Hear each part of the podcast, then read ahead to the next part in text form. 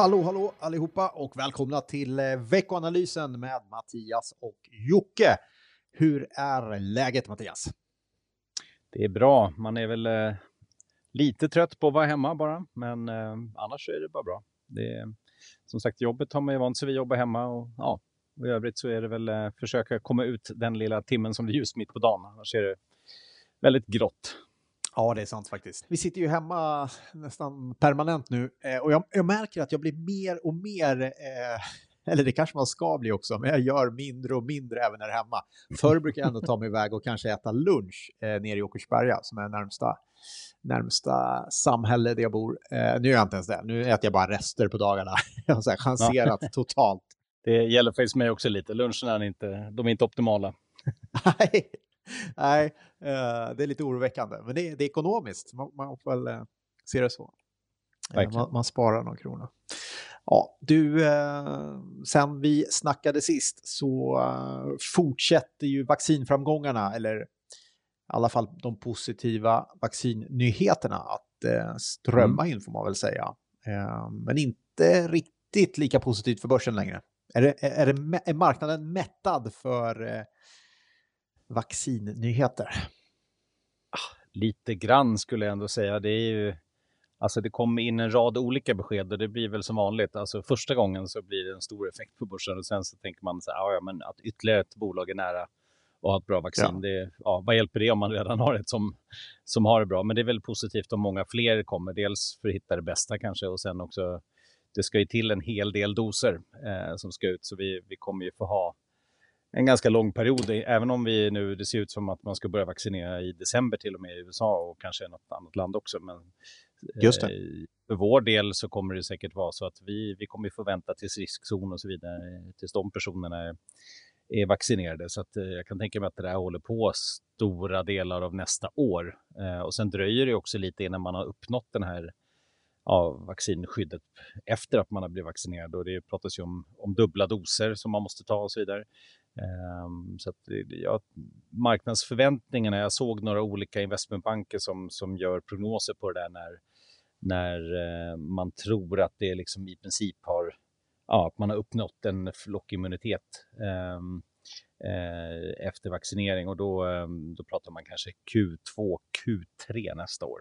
Uh, så det är väl ja, en bit bort skulle jag säga. Mm. Men ändå, Ingen... alltså, om man säger så här, eh, för några månader sedan trodde man kanske Q4 eller liksom ännu längre fram.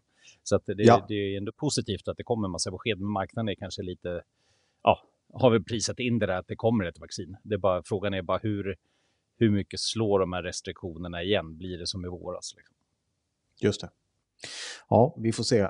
Vi pratade lite sektorrotation eh, förra, förra veckan tror jag det var. Det här kommer inte räcka tror du för att eh, skicka vidare den rotationen? Nej, alltså nu måste man ju för sig tänka lite grann på vad rotationen berodde på och så vidare. Men sambandet mellan eh, alltså att värdebolag började gå bra jämfört med tillväxtbolag berodde nog väldigt mycket på att räntorna stack eh, också lite grann.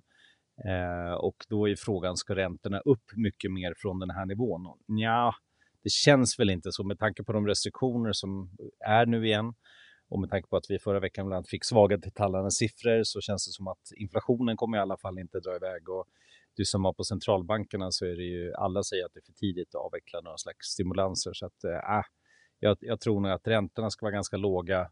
Sektorrotation, ja, delvis självklart. Det har varit en enormt stark utveckling för, för tillväxtbolag, men kanske inte att det är bara det eh, att det är bara value plötsligt som ska gå nu framöver, utan äh, lite mer, lite blandat det, det lät nästan lite, lite negativt, eller jag vet inte, men eh, man ska ju faktiskt lägga till ändå att det, det är inget fel om tillväxtbolagen fortsätter att driva det här.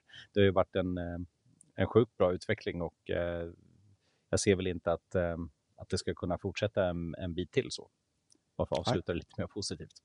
Ja.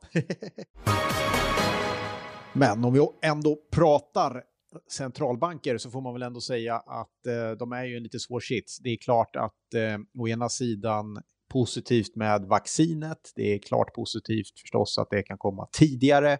Men likväl så har vi ju en betydligt värre coronasituation nu än vad man trodde för sex månader sedan. Och att dra ner på stimulansåtgärderna, det, det är väl inte det budskapet Riksbanken kommer med på torsdag till exempel.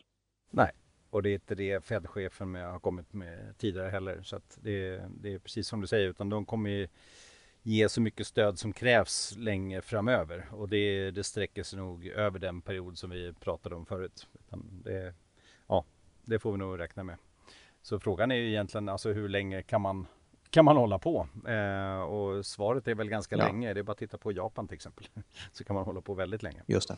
Eh, sen är frågan om det här någon gång och hur det någon gång ska betalas tillbaka. Ja. Om det nu ska göras. Men det är en annan du, fråga. Eh, det är en annan fråga. Du, förra veckan, var det någonting speciellt där du tyckte man ska ta fram? Marknaden betydligt mer eh, försiktig får väl säga. Mm. Ja, det var väl ingen jättekris på något sätt, men inte alls eh, som vi har sett innan. Eh, utan det är smittspridning i fokus och sen så, ja, Eh, även där lite kommentarer bland annat från amerikansk finansminister minister om pandemiutlåningen. Eh, ja, han vill se ett slut på det där, men eh, det är inte det som sagt som kanske Fed ser framför sig. annars så, nej, makrostatistik var det ju en hel del i och för sig, men inte så mycket annars av börshändelser direkt. Och tittar vi på makro då så var det väl fokus på det här, jag nämnde det förut redan, detaljhandeln i USA som kom in svagare än väntat. Eh, och det är väl det här som är risken nu, stora nedsidesrisken här i slutet på året. Att med nya restriktioner, hur mycket påverkar det konsumenternas beteende? För det är ju, ja, hela, hela grunden i amerikansk ekonomi bygger i princip konsumtion och eh, positiva konsumenter. Och det återspeglas ju på bostadsmarknad och allt möjligt. Eh, och där har det ju faktiskt varit klart mer positivt och även eh, detaljhandeln har ju vänt upp igen efter initiala inbrottet. Så att eh, vi hoppas att det inte blir för, för svagt då. Eh, den här gången var det då svagt men det är bara en månad så får vi se hur det blir framöver. Sen mm. om vi ändå pratar bostadsmarknad så kom det faktiskt i Sverige lite siffror på bostadspriser precis som man har känt lite grann när man tittar i kvarteren runt omkring och så vidare. Så det verkar vara bra tryck på, på bostadspriserna och i i Sverige aggregerat då, då ser det ut som att villapriserna steg med 13% bostadsrätterna med 6% under det senaste året då. Så det måste man ju se en, en, riktigt bra utveckling och det då trots coronan.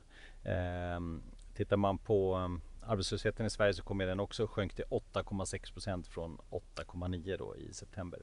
Just det. Ehm, så att det eh, ser väl eh, ja, eh, helt okej okay ut men vi får se här hur det nu blir. Det är inte minst med nya restriktioner och ja, jag tänker på framförallt restauranger och så vidare som får stänga tidigare. Det finns en risk att de som klarade sig precis i våras kanske får ja, få varsla folk nu eller någonting. Så det, det återstår att se. Det återstår att se. Vi har, eh, har vi något spännande som kommer den här veckan då? Eh, på börsen har vi Nordnet som kommer till aktiemarknaden och det är väl den 25 onsdag tror jag första dag för handel. Och det är väl det största som händer egentligen på Stockholmsbörsen den här veckan. Eh, är det någonting på makro man ska hålla koll på? Vi har eh, Riksbankens räntebesked på torsdag va? Mm, exakt, eh, kommer på torsdag. Då kommer också KI-barometern faktiskt. Så då får man lite mer, mer känsla för, för svensk eh, makro. Även på fredag faktiskt så kom ju eh, BNP för tredje kvartalet och även detaljhandelssiffror för Sverige. Så mycket Sverige faktiskt den här veckan. Men även tittar man eurozonen i USA så kommer det preliminära inköpschefsindex för november och där finns det väl en risk att vi får se lite grann eh, ett eh, litet inbrott ändå ehm, i, eh, i statistiken igen nu när det är novembersiffror. Jag gissar det i alla fall. Och IFO-index i Tyskland kommer också, väntas också falla till följd av tilltagna restriktioner. Då. Så att en hel del saker faktiskt. Ehm, även i USA då kommer det faktiskt BNP-estimat för tredje kvartalet och en hel del andra siffror. Privatkonsumtion, eh, inflation, ordervaraktig varor. Ganska tung makrovecka faktiskt, mm. när man tittar sig. Bra. Eh, ja, kollar man på Börsveckan förutom Nordnet så är det lite utdelningar. De stora bolagen är väl eh, Assa Abloy och Atlas Copco som bjuder på lite utdelningar under veckan här. Annars är det ju som så att vi har Thanksgiving kommer upp här torsdag. Då är det stängt i USA och det är halvdag på fredag. Eh, då är det Black Friday, då ska alla ut och shoppa istället. Vi får väl se vad det blir av det. Någonting annat som vi ska med oss innan vi stänger butiken för idag? Nej, jag tror faktiskt inte jag har så mycket mer. Utan det är håll ögonen på fortsatt självklart smittspridning och vaccinsiffror som kommer in. Det är det som styr marknaden kanske mest just nu. Yes. Och idag var det Astra tur, eh, som kom med lite, lite siffror. Lite blandat kan man säga när man läser den eh, vad de har. Då är det ju beroende på om man ger heldoser eller halvdoser faktiskt. Jag vet inte om du har läst det där i detalj. Nej, jag har inte det. Men det verkar som att det var, ska se här, eh, var ute och sa att det var, eh, jag tror det var 90 procents effektivitet på personer som hade fått en halv dos initialt följt av en hel dos efter en månad. Men om man ger två heldoser in direkt, eller liksom eh, totalt sett. Då ger det bara en effektivitet på 62 procent. Så att de har väl liksom inte klarlagt mm. varför det finns en skillnad där, forskarna. Eh, men det skulle Nej. kunna vara som när man vaccinerar små bebisar då. Eh, då kickar man igång immunförsvaret först och sen så ja, med en liten dos och sen så gör man en större dos. Så att eh, två halvdoser verkar vara bättre än två heldoser. Eller, eller en halvdos först och en, en heldos sen verkar vara bättre ja. än två heldoser. Så, så kan man säga. Nu vart det väldigt eh, tekniskt där. Men, eh, ja, det blev det faktiskt. Jag känner att jag lämnar det där till läkarvetenskapen. Ja, jag ska nog inte heller uttala mig känner jag. jag hoppas att det inte är Mattias Gidsel som avgör huruvida vi ska få en halv eller hel eller två hel eller hur det nu blev. Jag tänkte hoppa det faktiskt. Men eh, det är ju bra att det kommer ja, lite nya grejer. ja, det gillar vi. Absolut. Vi eh, gör så här att vi, vi säger tack för idag och så hörs vi nästa vecka. Det gör vi. Svärd dödar, så var ni era kära mödrar och var ni era fäder med. Därför partypatrullen och kräver det. Och våga inte stå där stilla med benet på väggen, stå där och chilla. Då kommer discosnuten bötfälla dig, då får du piss på truten. Inte Sexuell, straight eller transa. Och vi ska upp bland molnen, varannan dag men alltså och skål sen. Vi ska twista till svetten, lackar till polisen, juristen och rätten backar. Skiter i tiden och vad klockan slår när vi revar hela dygnet så långt vi förmår